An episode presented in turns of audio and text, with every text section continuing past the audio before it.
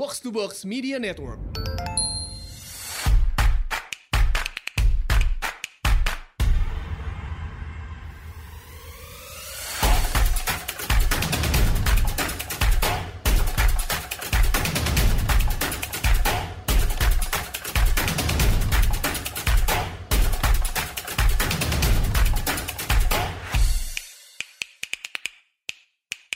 Selamat datang di Asumsi Bersuara. Sebelum kita mulai ya, lu pernah gak sih lu mikir gitu, ini si Ray ini kalau rekaman Asumsi Bersuara tuh gimana sih caranya?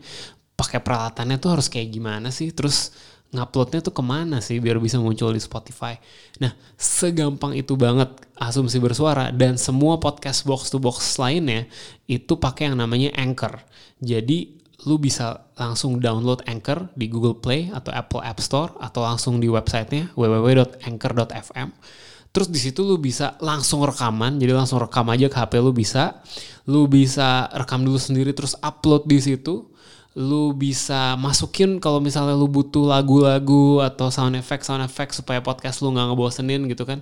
Bisa langsung ambil dari situ, udah nggak perlu pikirin uh, segala macam, langsung tinggal pasang aja.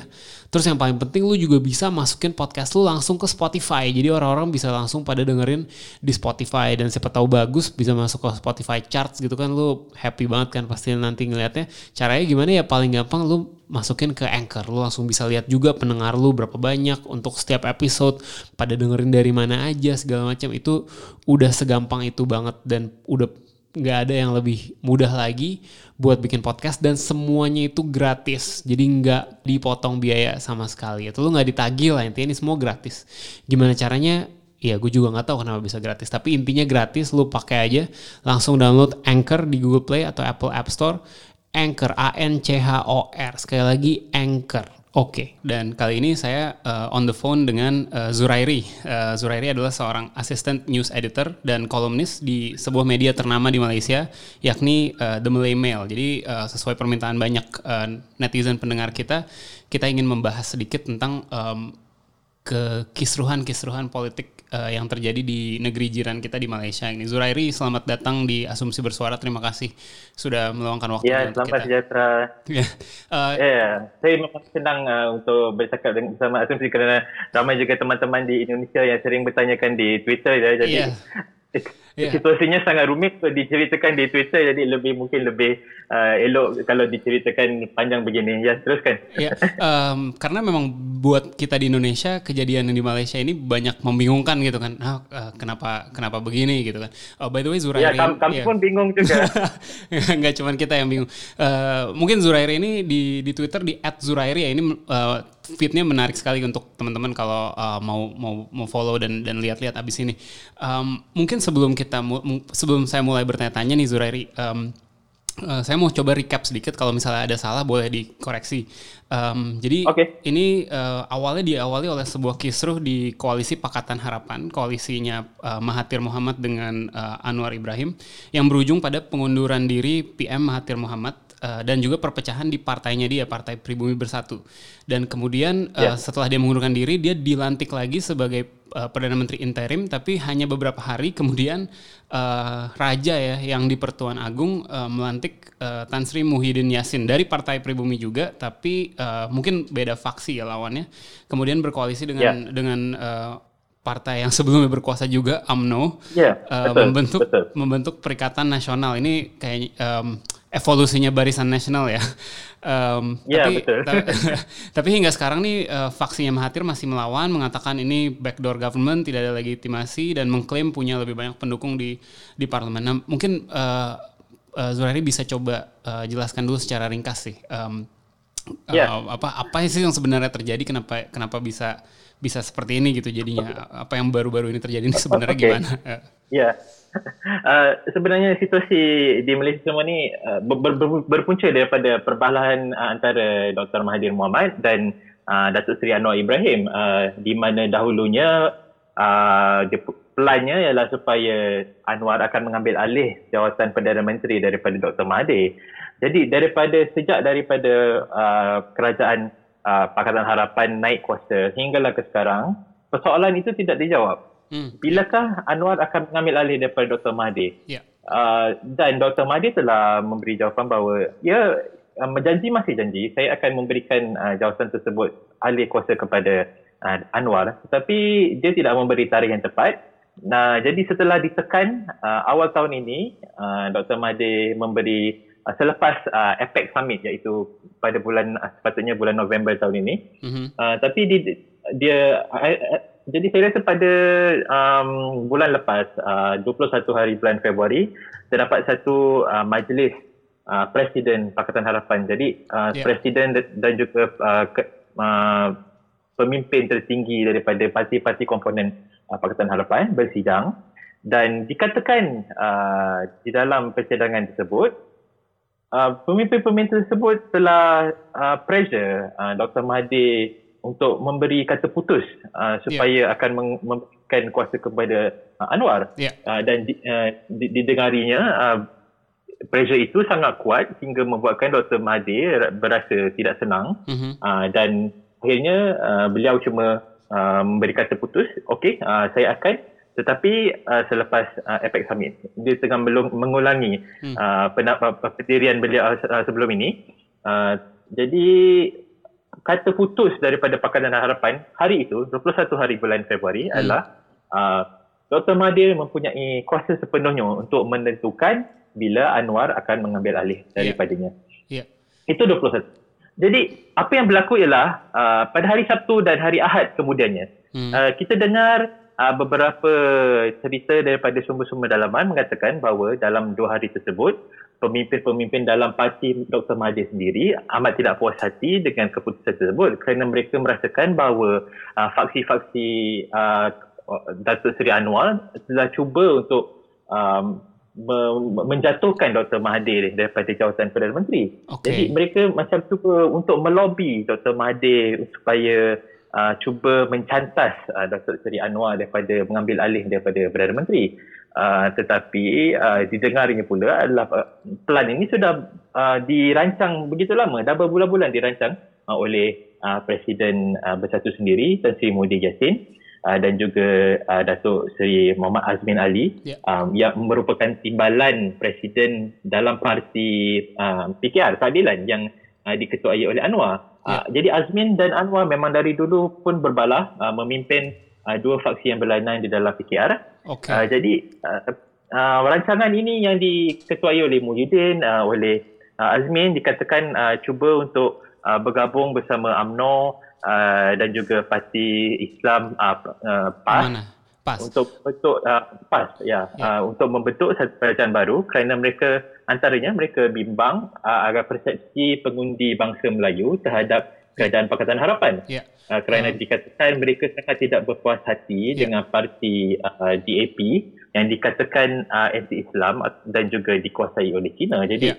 uh, ini satu persepsi tidak betul yang cuba diwujudkan uh, okay. bersama pengundi. Jadi uh, berdasarkan pandangan tersebut, mereka telah dikatakan telah cuba merancang berbulan-bulan untuk Uh, menghentikan mencantas uh, Anwar Ibrahim daripada menjadi uh, Perdana Menteri tetapi apabila tiba-tiba hari Jumaat tu, bila dikatakan ramai yang um, uh, pressure Dr. Mahdi supaya memberi jawatan kepada Anwar Ibrahim, jadi rancangan ini yang telah berbulan-bulan dirancang ni telah di, dipercepatkan. Jadi begitu.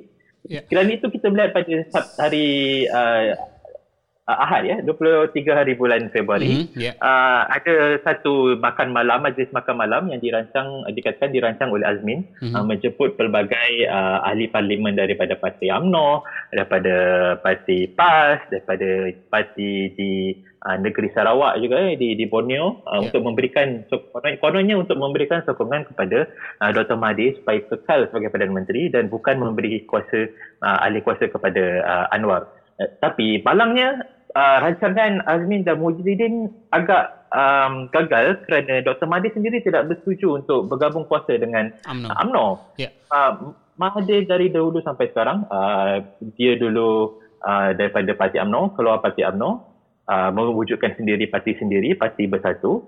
Uh, dan dia uh, beliau memang sangat uh, tidak setuju dengan pemimpin-pemimpin UMNO yang uh, pada beliau eh, pada hemat beliau uh, memang korupsi begitu ya. Yeah. Ada berbagai kes di mahkamah. Jadi beliau tidak mahu menggabung kuasa dengan bersama dengan pemimpin-pemimpin UMNO ini. Yeah. Jika pemimpin-pemimpin UMNO ini mahu bersama dengan beliau, mereka perlu keluar parti dan masuk dan kepada ke parti beliau. Parti yeah. Ya, ya, barulah boleh diterima sebagai uh, sahabat politik beliau. Uh, ini ini berlaku dengan banyak ya. Yeah. pemimpin UMNO yang sudah keluar parti kemudian uh, masuk ke dalam parti besar itu uh, barulah boleh. Ya, Zuraidi mungkin saya yeah. co- saya coba coba coba rangkum sedikit ya dari dari tadi yang um, yeah. Zuraidi sampaikan. Jadi se- yeah. jadi sebetulnya di um, di rapat besar uh, Pakatan Harapan hmm. itu um, karena beberapa or, beberapa kubu di um, kubu di Bersatu dan kubu di uh, PKR juga merasa um, apa ingin mencoba mem memplot sedemikian sehingga Anwar tidak perlu menggantikan Mahathir uh, dan yeah. dan mencoba juga bekerja sama dengan AMNO dan ini yang tidak diinginkan oleh Mahathir sehingga dia akhirnya merasa uh, udahlah saya uh, mengundurkan diri saja gitu. Ya, ya, begitu, begitu. Uh, nah, yang menjadi pertanyaan saya sebenarnya yang yang membuat kita juga sangat baffled ya di di Indonesia ini adalah uh, biasanya kan orang berkuasa mencoba semaksimal mungkin jangan sampai dia harus mundur gitu. Ini malah dia menggunakan ya, menggunakan uh, pengunduran diri sebagai sebagai langkah langkah catur gitu kan langkah langkah cas cas ya, ya, dia gitu. bahwa kayak saya mengundurkan diri ya. aja toh nanti saya akan akan bisa di diinstal lagi sebagai PM lagi gitu kan. Tapi um, akhirnya dia ya ini kita bingung sih kenapa dia harus sampai mengundurkan diri kenapa tidak dia tetap di uh, meretain posisi dia sebagai perdana menteri dan juga sebagai uh, chairman apa pengerusi di partai bersatu dan dan buang aja orang-orang yang yang nggak setuju dengan dengan dia kenapa dia harus betul, betul. akhirnya dia mundur sendiri ya ini juga yang sesuatu yang kami rasa pelik bila uh, Dr. Mahdi sendiri uh, mengumumkannya. Hmm. Dan tetapi beberapa hari selepas itu berdasarkan uh, penjelasan beliau sendiri mengatakan bahawa uh, dia sudah hilang uh, kepercayaan uh, oleh daripada Dewan Rakyat itu sendiri ya. Uh, daripada parlimen. Yeah. uh, kerana mengikut mungkin mungkin mengikut kata-kata uh, faksi Muhyiddin ataupun Azmin bahawa sudah tidak cukup ahli parlimen yang menyokongnya hmm. jadi sudah menyokong orang lain yeah. uh, jadi dia rasa begitu macam tak ada sudah tiada uh, command majority lagi dalam parlimen itu satu uh, satu lagi mungkin uh, dia sudah kecewa dengan uh, parti sendiri parti bersatu itu sendiri hmm. maksudnya uh, uh, rasanya ada satu artikel uh, satu dua hari lepas uh, bila uh, dia mengatakan bahawa uh, dalam uh, parti itu tersebut uh, pemimpin-pemimpin tinggi hampir semua uh, menentang pendiriannya hmm. uh, yang lain semua menyokong uh, Muhyiddin jadi yang yang ada bersamanya cuma ada empat ataupun lima orang saja jadi bila mungkin apabila dia merasakan dia sudah tidak mendapat kepercayaan parti sudah tidak dapat kepercayaan uh, parlimen hmm. uh, mungkin itu yang menyebabkannya meletak jawatan yeah. dan pada masa yang sama uh, keputusan itu juga uh, seolah-olah macam uh, Yalah macam macam kamu katakan tadi satu uh, chess move ya yeah.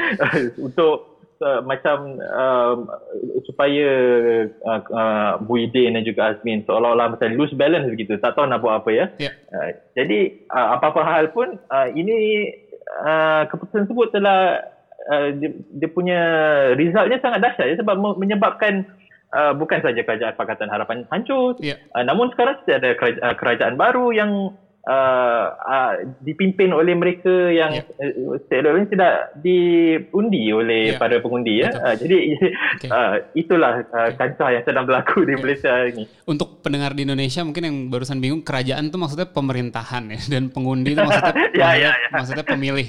Ya, oke. Ya ya. Ya, saya mau nanya nih um, Zurairi, um, kan akhirnya yang yang terjadi kemudian ketika um, ketika itu adalah uh, raja Malaysia yang dipertemukan Persatuan Agung akhirnya menentukan bahwa PM berikutnya adalah uh, Tan Sri Muhyiddin Yassin gitu dan dan uh, dianggap bahwa dia telah memiliki majority di parlemen padahal nggak ada nggak ada vote tidak ada vote atau tidak ada apa pun juga di mana um, majority itu didapatkan dari koalisi baru yang si Perikatan Nasional tadi gitu.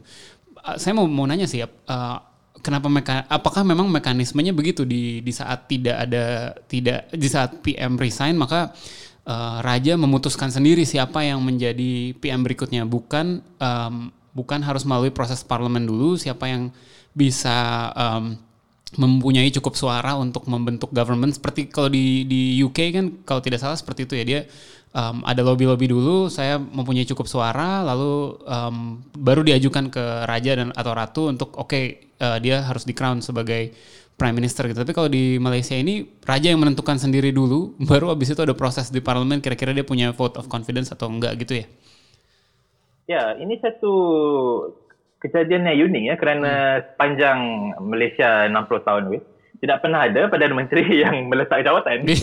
jadi yeah. jadi itu itu masalahnya yeah, jadi yeah. Uh, jadi selalunya uh, kira dikiranya mengikut perlembagaan persekutuan uh, sepatutnya akan ada satu undi tidak percaya begitu di yeah. dalam Dewan Rakyat di Parlimen untuk yeah. menentukan siapa yang mempunyai uh, majoriti di dalam Parlimen. Yeah. Tapi masalahnya sekarang kerana tidak sebab Mahathir sedang meletak jawatan, uh, kita tidak ada cara untuk uh, membuktikan uh, siapa yang uh, memegang majoriti itu. Hmm. Jadi uh, ini dibenarkan dalam perlembagaan persekutuan untuk um, agung uh, sebenarnya di dalam perlembagaan persekutuan uh, uh, uh, undang-undangnya begini ya agung berhak memilih siapa perdana menteri berdasarkan uh, mana-mana ahli parlimen yang mempunyai majoriti. Yeah. Jadi selalunya ini ditentukan sama ada tahu di pilihan raya mm. ataupun di dalam parlimen.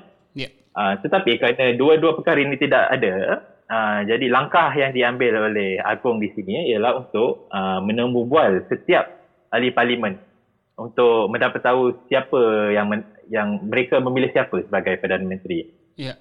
Jadi uh, mengikut undang-undang uh, Agong telah mendapat tahu bahawa yang uh, mengikut fikirannya uh, Muhyiddin Yassin lah yang mendapat sokongan majoriti. Yeah. Bagaimana beliau mengira majoriti itu, baginda mengira majoriti itu, eh, kita tak tahu sebab yeah, tahu. senarai, senarai ahli parlimen mana yang menyokong Mahathir, senarai parlimen-parlimen mana yang menyokong Muhyiddin, sehingga sekarang tidak diberikan kepada media ataupun kepada uh, rakyat. Jadi yeah. kita memang tak tahu uh, bagaimana betulkah Muhyiddin uh, mendapat uh, majoriti, betulkah yeah. Mahathir, tidak dapat begitu. Jadi sampai sekarang kita tak tahu yeah. tetapi kerana kita uh, patuh uh, dengan uh, Akung dan kita percaya kepada hemah baginda jadi kita semua ya menerima sebagai rakyat bahawa uh, itulah Perdana Menteri yang dikira olehnya Uh, mendapat sokongan majoriti yeah. begitu.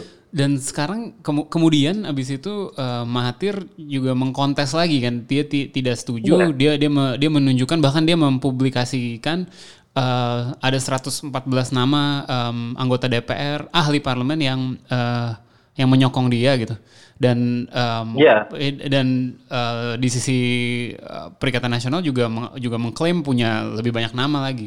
Um, Hmm. Ini kalau menurut Zurairi kelanjutannya akan seperti apa ya? Apakah um, apakah dari kubu Mahathir dari, dari kubu Pakatan Harapan akan ingin segera me, melakukan uh, vote of no confidence untuk membubarkan parlemen, membuat pemilu pemilu uh, pilihan raya sorry uh, agar agar selesai uh, apa um, konfliknya ini gitu? Ya, uh, begini ya, uh, Malaysia ada 222 ahli parlimen. Yeah. Jadi untuk simple majority begitu perlukan 112 uh, ahli parlimen untuk menyokongnya yeah. uh, untuk membentuk kerajaan. Jadi pada malam sebelum uh, Muhyiddin mengangkat sumpah sebagai Perdana Menteri, Dr. Mahathir uh, menyatakan bahawa beliau ada 100 sokongan daripada 114 ahli parlimen. Yeah. Jadi maksudnya uh, beliau lah yang mempunyai majoriti. Uh, namun setelah uh, Muhyiddin Yassin dilantik sebagai Perdana Menteri, bila mengubah pula nombor itu, maksudnya cuma cuma ada sokongan daripada 112 uh, ahli parlimen. Oh. Begitu tipis ya dia punya yeah, majoriti yeah. dia tu. Yeah. Uh, yang tapi sekarang selepas kita melihat um, Tan Sri Muhyiddin Yassin membentuk kerajaan beliau, uh, kita lihat dalam senarai uh, kabinet menteri dan juga timbalan menteri yang dilantik olehnya, ada nama-nama ahli parlimen yang dahulunya dikatakan menyokong Dr. Mahathir. Oh, okey. Okey. ya, ya, ya, maksudnya ya. ada saya saya tidak ingat berapa orang tapi saya mungkin ada dalam 4 ataupun 6 orang. Maksudnya uh, whatever uh, list yang dikemukakan oleh Dr. Mahathir dahulu 112 ahli parlimen sudah tidak tepat kerana sudah kehilangan 6 ya, ya, orang uh, at least ya, enam orang ya uh, ahli parlimen ke uh, kubu uh, Tan Sri Muhyiddin. enam orang jadi, yang di yang enam orang yang diklaim ada di listnya dia ternyata udah jadi menteri di kabinet, yeah, kabinetnya yeah. Muhyiddin. Oke. Okay. Ya ya. Jadi it, ini memang sudah dijangkakan oleh Dr. Mahdi. Sebab tu masa uh, sebelum uh, Muhyiddin uh, mengangkat sumpah sebagai Perdana Menteri, beliau awal-awal sudah cakap Okey, uh, saya mahu parlimen uh, disambung se- uh, secepat mungkin supaya kami boleh mengumpulkan no confidence vote kerana jika dilambatkan lagi, hmm. ahli parlimen yang kononnya berada di sisi Dr. Mahdi akan di ditarik. Uh, umpan begitu yeah. ya, ditarik, diumpan sama ada dibayar yeah. ataupun uh, seperti inilah kita diberi jawatan menteri timbalan menteri. Uh, memang sudah berlaku. Yeah. Uh, jadi sebaik saja diumumkan kabinet itu, uh, Dr. Mahdi sendiri um, mengaku uh, parlimen uh, sepatutnya bersidang, mula bersidang uh, 9 Mac. Yeah. Uh, tapi kemudian dia ditambatkan kepada 18 hari bulan. Yeah. Uh, jadi sekarang Dr. Mahdi sendiri sudah mengaku bahawa uh, walaupun jika Pakatan Harapan mempunyai uh, chance untuk uh, mengemukakan no confidence vote bila parlimen mula bersidang pada yeah. 18 Mac, belum tentu mereka boleh menang kerana sekarang sudah terus terang tidak mempunyai majoriti. Yeah, yeah. Jadi ya di di situlah situasi Pakatan Harapan sekarang dan saya rasa um, memang Pakatan Harapan sekarang akan uh, sedia, um, akan men, sudah sah menjadi pihak pembangkang pada waktu oposisi, ini. Oposisi pembangkang. Um, yeah. Kalau yeah. kalau dari uh, pengamatannya Zurairi sendiri, uh, rakyat Malaysia sendiri gimana di di bawah ya? Ini kan tadi tadi kita bicara dukungan dukung mendukung di level elit, di level ahli hmm. ahli parlemen, yeah. tapi tapi di level akar rumput di uh, grassroots di masyarakat sendiri, peta politiknya seperti apa gitu ya? Um, apa um, maksudnya ap, dukungan masyarakat terhadap uh, pemerintahan kerajaan yang tidak berdasarkan uh, pilihan raya ini kayak gimana gitu? Apakah ada ad, apakah ada gelombang unjuk rasa, demonstrasi atau apa pun itu uh, untuk mengatakan ini bukan kerajaan yang kami pilih gitu?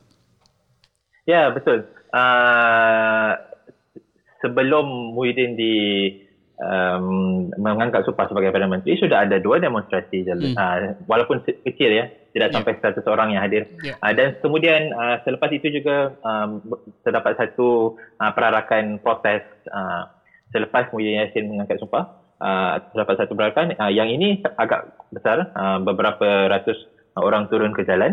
Uh, dan juga kita, uh, uh, saya rasa rata-rata rakyat Malaysia uh, terbagi kepada dua. Sama ada mereka yang dahulunya menyokong Pakatan Harapan mm-hmm. uh, apa, uh, sangat kecewa kerana dahulunya apabila uh, pilihan raya ke-14 apabila Pakatan Harapan uh, mendapat uh, kuasa dan membentuk kerajaan ramai berasa bahawa you know kami finally ada satu harapan untuk mengubah kerajaan setelah Malaysia baru dekat, ya.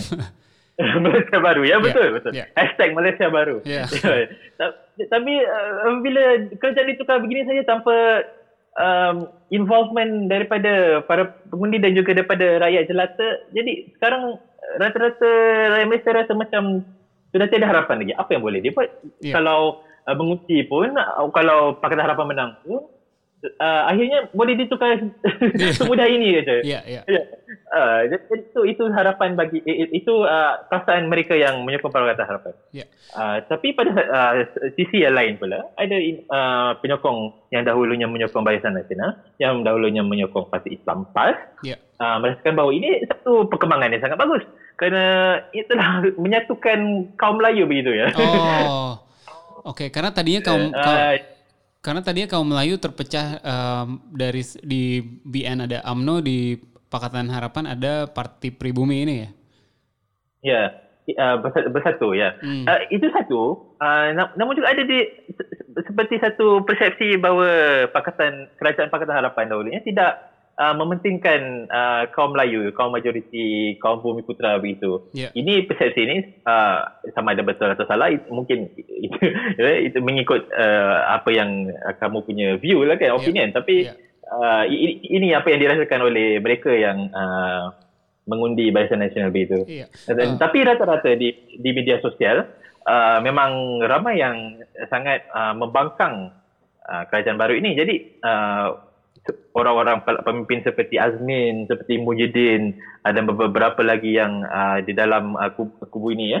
Uh, apabila mereka post saja di Twitter ataupun di Facebook, reply-nya ataupun yeah. komen di dalam uh, post ba- media sosialnya semuanya berbangkang mencaci banyak haters sebagai kata-kata kesat ya, ya memang yeah. ya. Yeah. Um, uh, ditulis pengkhianat begitu memang banyak ya, um, Zurairi, ini tadi uh, udah sempat yeah. di, disentuh juga barusan, tapi menarik juga untuk untuk membahas karena ini satu perbedaan yang sangat stark dengan dengan Indonesia. Mungkin orang pendengar kita di Indonesia sangat um, sangat ya, baffled juga tentang ini bahwa politik kekauman, politik etnis, politik rasial begitu begitu kuat di di Malaysia gitu. Bah, uh, even tadi yang uh, alasan yang disebutkan Zurairi juga lebih terkait um, kaum Melayu, bagaimana persepsi mereka terhadap uh, Pakatan Harapan uh, dianggap kurang mendukung uh, etnis Melayu. Itu suatu hal yang di Indonesia kayaknya sekarang udah sangat tidak tidak ada gitu. Um, kalau uh, apa um, gim, ap,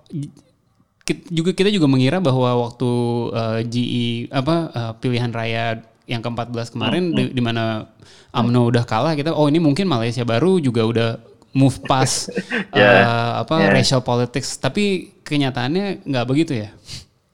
Ya ya, karena oke okay, mungkin satu, satu penjelasan dulu untuk pendengar-pendengar di Indonesia di, di di Malaysia Melayu itu bukannya sekadar etnik group ya. Yeah. Masa satu Melayu itu didefinisikan sebagai mereka yang mempunyai uh, keturunan Melayu, bercakap yeah. bahasa Melayu, mengamalkan budaya Melayu dan juga beragama Islam ya. Jadi yeah.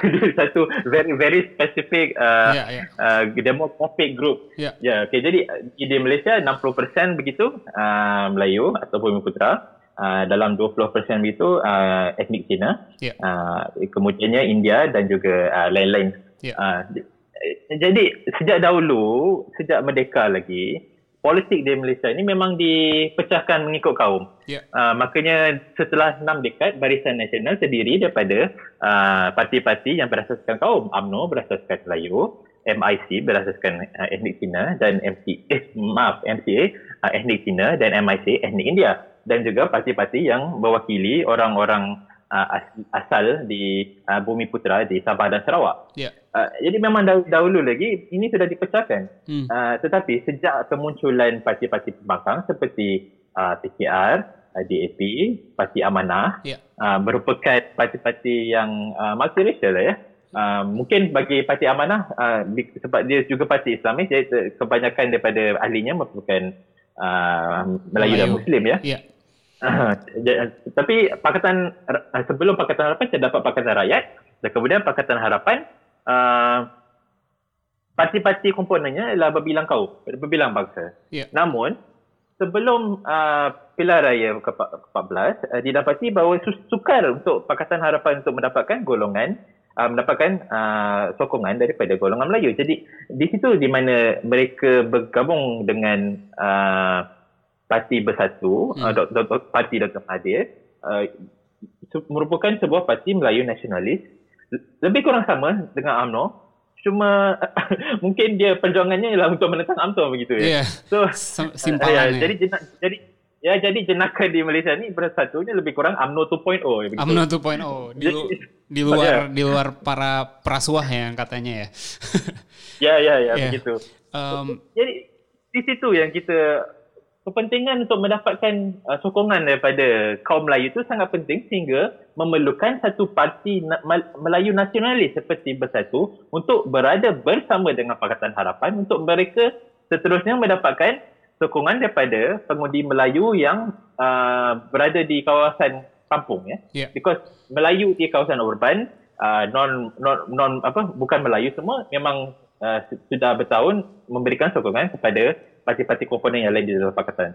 Yeah. Uh, na- namun untuk memenangi lari ke-14 itu perlukan sokongan daripada bersatu untuk mendapatkan yeah. uh, sokongan uh, kaum Melayu ini. Okay. Uh, jadi apabila Pakatan Harapan memenangi uh, pilihan raya dan membentuk kerajaan, uh, kebanyakan golongan urban dan juga bukan Melayu merasakan bahawa finally ini satu harapan di mana kita akan mendapat kerajaan yang tidak akan cuma mementingkan yeah. kepentingan kaum Melayu, kaum bumi putra saja. Yeah. Semua dasar-dasar kerajaan akan lebih uh, equal, lebih egalitarian uh, akan lebih memberi uh, kepentingan kepada semua kaum di, di Malaysia ini.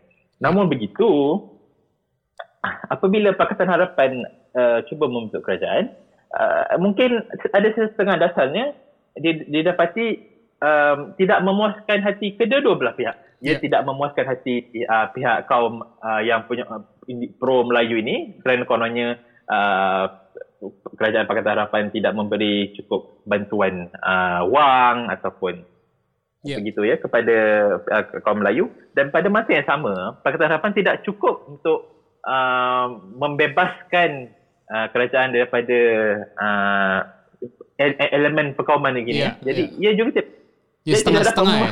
Setengah-setengah ya. Ke kerajaan ya, Pakatan Harapan ya. ke ke orang Melayu dianggap kurang mendukung, tapi juga ke yang non Melayu dianggap kurang kurang men-shift away from racial politics ya. Gitu.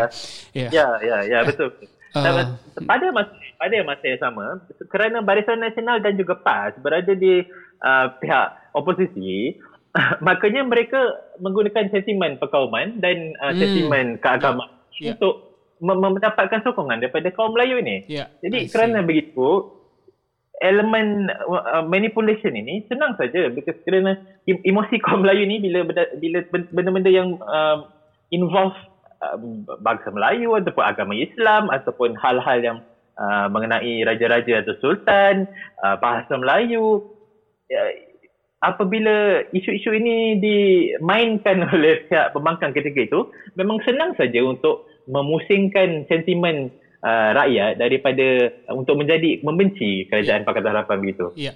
Uh, Jadi so, hmm. Pakatan Harapan mengalami masalah itu masalah yang sering uh, dihadapi oleh dalam masa uh, dua tahun sejak mengambil uh, alih uh, Putrajaya uh, kerajaan ya. Yeah. Uh, jadi ini yang menyebabkan antara lainnya uh, sentimen uh, kononnya kerajaan tak cukup pro Melayu uh, ini dimanipulasikan juga oleh kubu Muhyiddin dan kubu uh, Azmin untuk you know uh, mencaturkan uh, pergabungan dengan UMNO dan PAS ini. I see. Jadi, jadi itu manuvernya ya. Antara sebab yeah.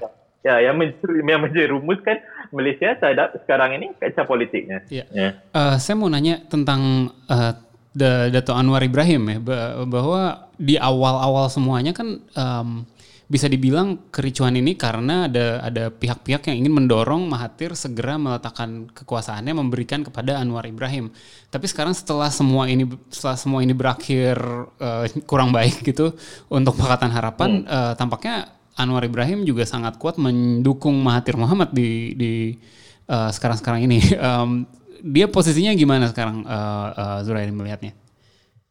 Uh, uh, dalam beberapa hari ini sangat uh, curious ya kerana kita uh, Dr. Mahathir dalam temu bualnya bersama beberapa uh, media uh, sangat uh, tajam ya attacknya terhadap Anwar. Hmm. Jadi selama beberapa hari ini dia tak habis-habis uh, menceritakan bahawa Anwar tidak mendapat sokongan Melayu kerana kononnya terlalu liberal. Hmm. Uh, Anwar sangat gila kuasa, sudah lama mengimpikan menjadi uh, Perdana Menteri, uh, tak sabar begitu ya.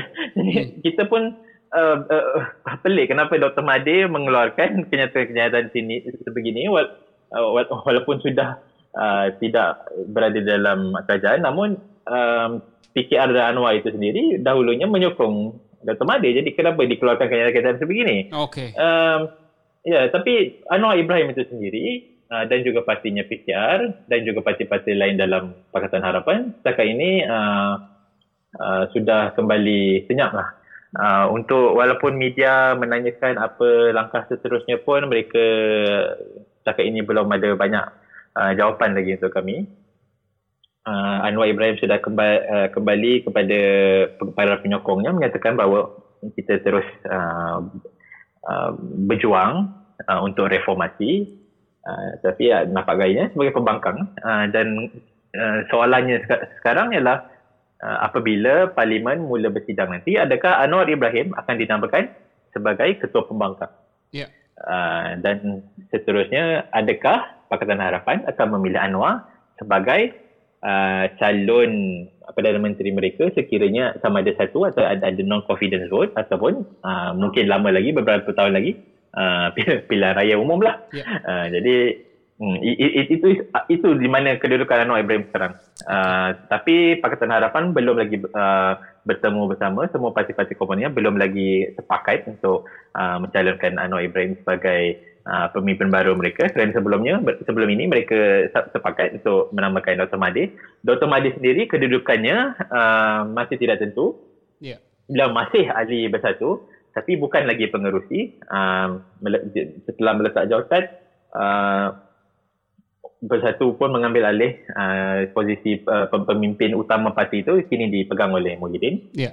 Uh, jadi kita kita pun tak tahu apa langkah seterusnya Dr. Mahathir. Uh, adakah beliau masih akan memimpin Pakatan Harapan ataupun Pakatan Harapan akan mengubah um, pemimpin kepada Dr. Datuk Seri Anwar sekarang. Ya, tapi Mahathir masih masih ahli parlemen kan ya, masih anggota dewan kan?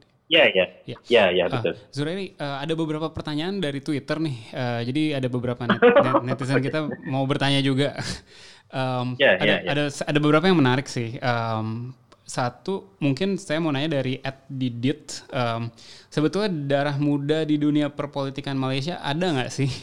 Dan satu lagi dari Riz, at Rizluk, Syed Sadik bakal jadi PM selanjutnya uh, mungkin mungkin lebih ke ke siapa nih berikutnya karena kan kalau kita lihat belakangan ini tuh uh, dia lagi dia lagi gitu bahkan kemarin pas uh, kerajaan Pakatan Harapan juga itu dua orang dua orang yeah. yang sama dari 20 tahun yang lalu dia lagi dia yeah. lagi uh, dan sekarang juga Tan, Tan Sri Muhyiddin juga juga orang orang lama juga yeah. Apakah, apakah ada uh, new blood gitu di uh, di perpolitikan yeah, Malaysia yeah. untuk ke depannya ya yeah ini memang satu masalah besar itu politik Malaysia ya. Semuanya ini ini seolah-olah macam uh, masalah politik daripada tahun 1998 masih Betul. belum selesai ya. Sekarang sudah 2020. Iya.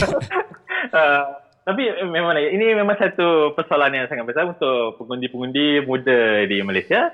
Uh, ada, adakah kita mau masih mau menyokong pemimpin-pemimpin ini kerana mereka uh, sudah tua, sudah tidak membawa politik yang diinginkan oleh anak muda sudah tidak represent lagi uh, golongan orang muda sekarang ya. Uh, tapi kalau kita lihat uh, ini bergantunglah uh, bergantung kepada siapa yang uh, yang mau disokong oleh anak muda. Perikatan Nasional uh, kerajaan sekarang sememangnya tidak ada pemimpin muda kerana uh, baru-baru ini bila di dilantik uh, kabinet barunya walhal uh, menteri belia dan sukanya bukan lagi belia 47 yeah. tahun ya. ini ini sangat berbeza dengan Syed Saddiq dulu. Syed Saddiq dulu uh, semasa menjawab jawatan menteri beliau uh, baru 26 tahun. Uh, kini 20, uh, Ya, jadi sekarang mau 27 ke 28 tahun. Jadi beza antara dua menteri belia ini yeah. dua dekad ya. Sudah tidak tahun. belia. Uh, ya. Kementerian Belia oh, dan memang tidak Eh ya, sedikit uh, Kementerian Belia dan Sukan ini Menteri Pemuda dan Olahraga ya untuk untuk uh, rekan-rekan di sini. Ya, lanjut lanjut. Ya. Ya, uh, jadi uh, di dalam uh, ahli parlimen uh, perikatan itu sendiri tidak saya saya rasa tidak ada ahli parlimen yang lebih muda daripada 40 tahun. Okay. Jadi kesemuanya semuanya uh, begitu ya. Yeah. Uh, tetapi uh, bila kita bandingkan dengan parti di dalam Pakatan Harapan, uh, PKR, DAP dan juga Amanah, ada memang ada ramai anak muda. Yeah. Uh, masalahnya sama ada mereka akan diberi uh, peluang untuk naik ya. Hmm. Sebagai contoh kita beri uh, keadilan ataupun PKR.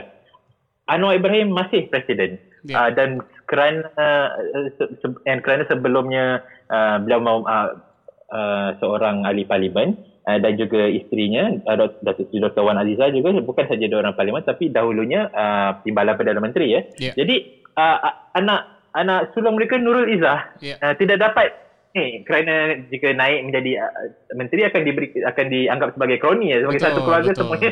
betul. Ya. Parlimen atau dalam kabinet. Uh, jadi itu itu satu contoh. Uh, jadi uh, parti DAP juga uh, ada pun ada ada lapisan uh, pemimpin baru yang muda. Dan kita lihat uh, ramai antara mereka uh, di dalam kabinet sebelum ini sangat cemerlang ya. Seperti menteri alam sekitar uh, Yobi Yin uh, Timbalan Menteri Wanita Hanayo. Hmm. uh, ada juga beberapa lagi uh, Timbalan Menteri Sukan Steven uh, Sim. Eh itu daripada PKR ya? Saya mungkin silap hati. Tapi ya ada ada beberapa uh, ahli parlimen mereka yang sangat cemerlang ketika diberi uh, kerana mereka diberi peluang untuk masuk ke dalam kabinet. Yeah. uh, dan uh, ya dahulunya uh, agak suka dengan mereka. Um, jadi masalahnya bu- bukan mereka tidak ada pemimpin muda tapi sama ada mereka diberi peluang untuk naik yeah. atau tidak uh, itu itu masalahnya Yeah. Okay. dan juga uh, calon untuk Perdana Menteri itu sendiri Yeah. uh, jika di- di- ditanya Pakatan Harapan siapakah calon Perdana Menteri dan juga timbalan menteri mereka kemungkinan besar masih Anwar lagi Yeah. uh, dan timbalan menteri tentunya bukan seorang yang muda jadi uh, sampai bila kita akan lihat uh, pemimpin-pemimpin yang bukan bukan saja tua ya malah semuanya Melayu semuanya uh, lelaki Hmm. semua semuanya agak, umur pun agak sudah laju jadi sampai bila kita akan lihat mereka ini saja yang akan menguasai politik Malaysia jadi uh, itu satu soalan uh, untuk anak muda sekarang lah sama ada akan masih terus menyokong Pakatan Ya. Harapan ataupun akan mereka sendiri akan menubuhkan parti politik sendiri yang fokusnya cuma kepada anak muda uh, Bisa itu aja ya. kita akan lihat dalam saja. masa beberapa Iya. dan ya Iya. Eh, jadi kayak kalau di Amerika itu old white man di di Malaysia itu old old Malay man ya. Ya, ya betul betul em, dari Bobby Andika ini sebenarnya sebagian udah sempat kita sentuh ya. Jadi apakah koalisi Pakatan Harapan akan melakukan vote of no confidence ketika parlemen kembali atau apakah ada defect defectors tambahan sehingga menyokong eh, Barisan Nasional sehingga punya majority ini sudah sudah dibahas tadi. If the former, apakah mereka akan mengajukan Tun M atau Datuk Sri Anwar Ibrahim sebagai PM yang akan dipush oleh Pakatan Harapan nih siapa nih ketika nanti misalnya ada ada snap elections atau ada ada vote di parlemen? Ya, ya. Ya, itulah uh, it- belum belum disepakatkan lagi antara semua komponen Pakatan Harapan tetapi uh, parti PKR uh, sebelum ini sudah uh, mencadangkanlah uh, mu- mungkin kemungkinan besar saya pun saya pun rasa uh, kemungkinan besar uh, mereka akan meneruskan perjuangan dengan Datuk Seri Anwar daripada uh, Dr. Mahathir Ya. uh, kerana bukan saja sebagai faktor umur tapi uh, saya rasa pengundi dan penyokong Pakatan Harapan pun sudah begitu bosan dengan Dr. Mahathir kerana pada mereka mereka merasakan bahawa Dr. Mahathir lah punca bagaimana Ya. uh, ke, kekalutan ini sedang berlaku kerana beliau se- kononnya seboleh-boleh tidak mahu Anwar uh, menjadi Perdana Menteri dan kerana, kerana itu telah menyebabkan telah, trigger ya apa masalah politik yang dialami sekarang ni. Ya, Em, ini dari Ed Far Fariski. Ini tadi sempat kita sentuh juga tentang politik perkauman ya. Jadi dia bertanya, eh, kalian mau sampai kapan main politik perkauman? Apa tidak iri dengan Indonesia? apa tidak iri dengan Indonesia? Yang kalau menyebut bangsa adalah bangsa dan negara Indonesia, bukan bangsa Melayu, bangsa Cina, bangsa apa lalu negara lain. ya. Em, mungkin going forward, apakah ada ada future path di mana kira-kira Malaysia suatu saat bisa bisa bisa move past uh, racial politics gitu menurut Zurairi. saya, saya rasa ini tertakluk kepada uh, parti politik uh, terutamanya Pakatan Harapan sama ada mereka masih mahu Mhm. uh, menggunakan uh, pendekatan uh, racial ini ataupun uh, se- sebenarnya sebelum kejatuhan uh, uh, kerajaan ini pun kita sudah lihat sedikit shift ya di mana uh, for example uh, ada ini satu dasar uh, shared prosperity Hmm. uh, uh, yang yang diumumkan oleh kerajaan. Jadi kita sudah lihat ada sedikit mau shift kepada uh, pendekatan bukan kepada racial tapi dari segi kelas. Jadi uh, bantuan apa semua Hmm, perlu disalurkan kepada mereka yang kurang berupaya dan bukannya sekadar kepada uh, satu bangsa ya. Ya. Uh, jadi jadi kita, kita kena lihat sama ada Pakatan Harapan dan mana-mana parti politik yang mau ke depan selepas ini sama ada mereka akan masih berpegang kepada ini ataupun akan uh, memberi satu pendekatan yang baru. Tapi ini ini satu mungkin ini sebenarnya isu besar ya sebab um, tidak it doesn't matter apa pol, parti politik ini akan tawarkan tapi sama jika pengundi ataupun rakyat Malaysia masih uh, melihat semua isu dari segi uh, rasial ya eh, mereka akan sentiasa tidak mendapat. Ya. sokongan daripada rakyat. Kerana rakyat masih memaukan di dibagikan uh, dari segi uh, etnik ya. Hmm. dan sebentar tadi uh, ada dikatakan adakah tidak ha- iri hati dengan uh, Indonesia ya? Uh, mungkin ia berlainan kan kerana bangsa Indonesia dari dulu lagi mungkin ada satu homogenity di situ ya? Uh, di mana pendekatan Malaysia pula uh, adalah ter, ter, terbalik ya Iya. uh, uh, etnik tu setiap etnik tu ada uh, apa uh, dia punya uh, specialty dia lah begitu ya Iya. Tapi uh, jika ma- masalah seterusnya ialah jika tiada even kalau tak ada uh, pendekatan rasial ni masih ada pendekatan dari segi agama pula ya. Ya, Jadi ya. dia punya uh, so- soal politik ni macam ada sama ada kamu Islam ataupun kamu bukan, Islam. Ya. Jadi ini yang kita dah lihat dalam beberapa tahun sebelum kejatuhan Pakatan Harapan begini. Jadi uh, ya ini saya saya rasa um, ini satu persoalan yang memang Malaysia dah lama hadapi uh, dan kami ingatkan bila Pakatan Pakatan Harapan naik uh, isu ini akan ditangani dengan bijak oleh kerajaan dan kita akan boleh uh, pergi lagi jauh dan progres lah ya tapi nampak gayanya bukan saja progres itu gagal tapi kita seakan uh, langkah ke belakang apabila uh, kerajaan baru ini bukan saja majoritinya Melayu eh, dalam kabinet dan men- menterinya tapi uh, ditubuhi oleh uh, parti-parti yang memang pro Melayu pro Islam Ya, begitu ya. jadi uh, uh, Oke. mungkin mas- uh, masa depan dalam terdekat ini mungkin agak gelap lah tapi saya percaya rakyat Malaysia akan terus berjuang untuk satu uh, masyarakat yang lebih equal dan lebih egalitarian lah. Ya, kita semua bantu mendoakan juga dari sini. Eh eh, Zu- Zurairi mungkin sebenarnya waktu kita udah udah udah mau habis ya, tapi apakah ada ada hal lain yang mau disampaikan ke pendengar kita di Indonesia eh, yang mungkin belum sempat kita sentuh atau belum sempat kita tanyakan eh, dalam sesi ini gitu? Hmm, saya rasa setakat ini uh, mungkin tidak ada tapi mungkin saya mau uh, saya uh, na- nampak gayanya pendengar di Indonesia lebih nampaknya lebih uh, berminat um, mengenai isu perkauman di uh, Malaysia ya. Uh, jadi mungkin saya kupaskan sedikit. Uh, isu ini memang uh, sangat lama saya kan um, kita ingatkan uh, bila perubahan kerajaan ini akan tidak nampak lagi uh, isu-isu perkauman ya, tapi nampaknya tidak.